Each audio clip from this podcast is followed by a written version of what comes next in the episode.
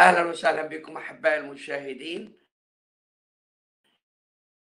درس آخر من دروس التلمذه خاص باتجاهات النمو الروحي. وزي ما قلت لحضراتكم إن إحنا بنتكلم عن اتجاهات النمو المتعددة. ووصلنا في اتجاه رائع وهو النمو في حياة الثمر أو في حياة الإسمار. لابد إن حياتنا تثمر لمجد الله وثمرنا يتزايد. وأرجو أن تلاحظوا أحبائي شيء مهم. لما بقول إن الثمر الروحي يتزايد معناها إن التوقف من حياة في حياة الثمر دي مشكلة كبيرة في حياتنا دليل على في مرض روحي. وده خطر رهيب خطر رهيب على حياتنا. عشان كده لابد أن نعالج. لو في ثمر ضئيل أو قليل يبقى الأمر يحتاج إلى عملية علاج. أنتوا عارفين لما بيتكلم عن الثمر كأنه بيتكلم عن أنواع الأراضي اللي بيزرعها الفلاح. ففي تربة تثمر وفي تربة تثمر أقل وفي تربة لا تثمر. التربة التي لا تثمر تحتاج إلى إصلاح إصلاح ويكلف كتير. تغيير الأرض نفسها لازم تتغير. كمان اللي يثمر قليل يحتاج إلى نوع من العناية علشان يثمر أكثر. وحتى اللي بيثمر كتير محتاجين إن يثمر أكثر وأكثر. أذكركم بشيء جميل. الحقيقة يعني أتمنى من قلبي تتذكروه معايا. مثل من أمثال الرب يسوع اتكلم عنه في أمثاله. أمثال ملكوت السماوات في إنجيل متى 13 وبرضه اتكلم عنه في إنجيل مرقس الأصحاح الرابع. لما يقول خرج الزارع ليزرع وفيما هو يزرع سقط بعض على الطريق. يبقى إذا في حبوب وقعت على الطريق. فجاءت طيور السماء وأكلته. طب يا رب معلش هنقطعك في الكلام ونسألك سؤال. تقصد إيه بالكلام ده؟ كلمة الله مشبهه بالبزار واللي يحمل كلمة الله ويقدمها للنفوس هو ده حامل البزار. طب أمال البزار اللي وقعت في الطريق؟ قال دول الناس اللي بيقعدوا يسمعوا كلمة الله من فم الخادم اللي بيقدم كلمة الله وبالتالي وهو قاعد ذهنه شارد مش مركز اطلاقا. فتيجي طيور السماء يقول لك اتت طيور السماء وأكلته. طب يا رب إيه طيور السماء دي؟ قال ده اللي بيسمع الكلمة والشيطان يجي ويخطفها منه يخليه سرحان شارد الذهن ينومه ما يركزش اطلاقا. فزي ما دخل زي ما خرج. إيه الكلام اللي سمعه؟ كلام كتير لكن إيه اللي وصل لقلبه؟ ولا شيء. أدي نوع من الأنواع. هذه البزار لم تأتي بالثمر اطلاقا. ودي ناس كتير على فكرة قوي بيشوفها في النهضات. بيحضروا لكن كلمة الله لا تثمر في حياتهم. لأن الشيطان واقف بالمرصاد ويختطف الكلمة منهم. في نوع تاني بقى أتكلم عنه الرب يسوع. قال وسقط آخر على أرض محجرة. يعني العمق بتاع الأرض حجر. بس السطح الخارجي واضح إنها تربة كويسة. بس لما البزار توصل بتنبت بسرعة. شوفوا يقول لك إيه؟ وسقط آخر على أرض محجرة. ولم نبت حالا نبت حالا. سطح الأرض كويس مناسب. وإذ لم يكن له عمق أرض. الجذر امتد لتحت لقي الحجر قدام. أشرقت الشمس احترق ومات. جف واحترق لم يأتي بثمر. طب ودول مين يا رب؟ قال دول الناس العاطفيين اللي بيتعاملوا مع الكلمة بالعواطف. هؤلاء هم الذين يسمعون الكلمة. يقبلونها للوقت بفرح. واو! يهيصوا. وإذا حدث ضيق أو اضطهاد من أجل الكلمة للوقت يعسرون مجرد بس حبة ضيق حبة ألم حبة تعيير بتوصل له خلاص هو اللي يمشي مع ربنا يتصاب بهذا الكلام إحنا مش عايزين ربنا ادي النوع الثاني يتأثر عاطفيا لكن لم تكن الكلمة ممتزجه أو مصحوبة بالإيمان. في نوع ثالث اتكلم عنه الرب برضه. خلي بالك من النوع الثالث بقى. قال لك سقط آخر على أرض فيها شوك ونبت حالا. ده لا ده مش حالا ده نبت. بس خلي بالك معايا نبت معاه الشوك. الاثنين مع بعض بس الشوك أقوى.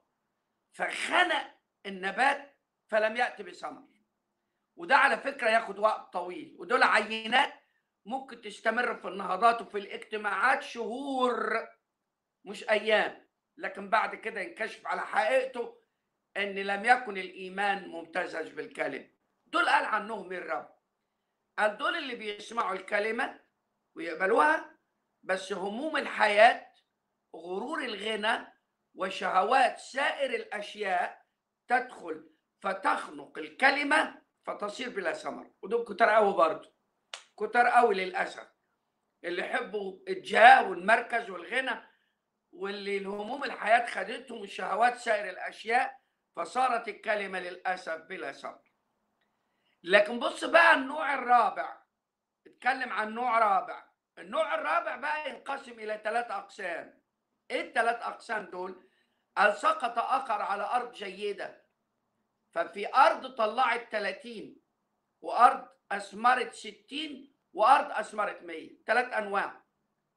خلي بالك بقى في مؤمنين تثمر كلمة الله فيهم والثمر واضح بس قليل 30 في كلمة الله أثمرت في آخرين والثمر واضح بس متوسط 60 لكن في بقى الثمر الواضح قوي قوي اللي هو المية نقدر نعالج الأمور دي؟ نعم.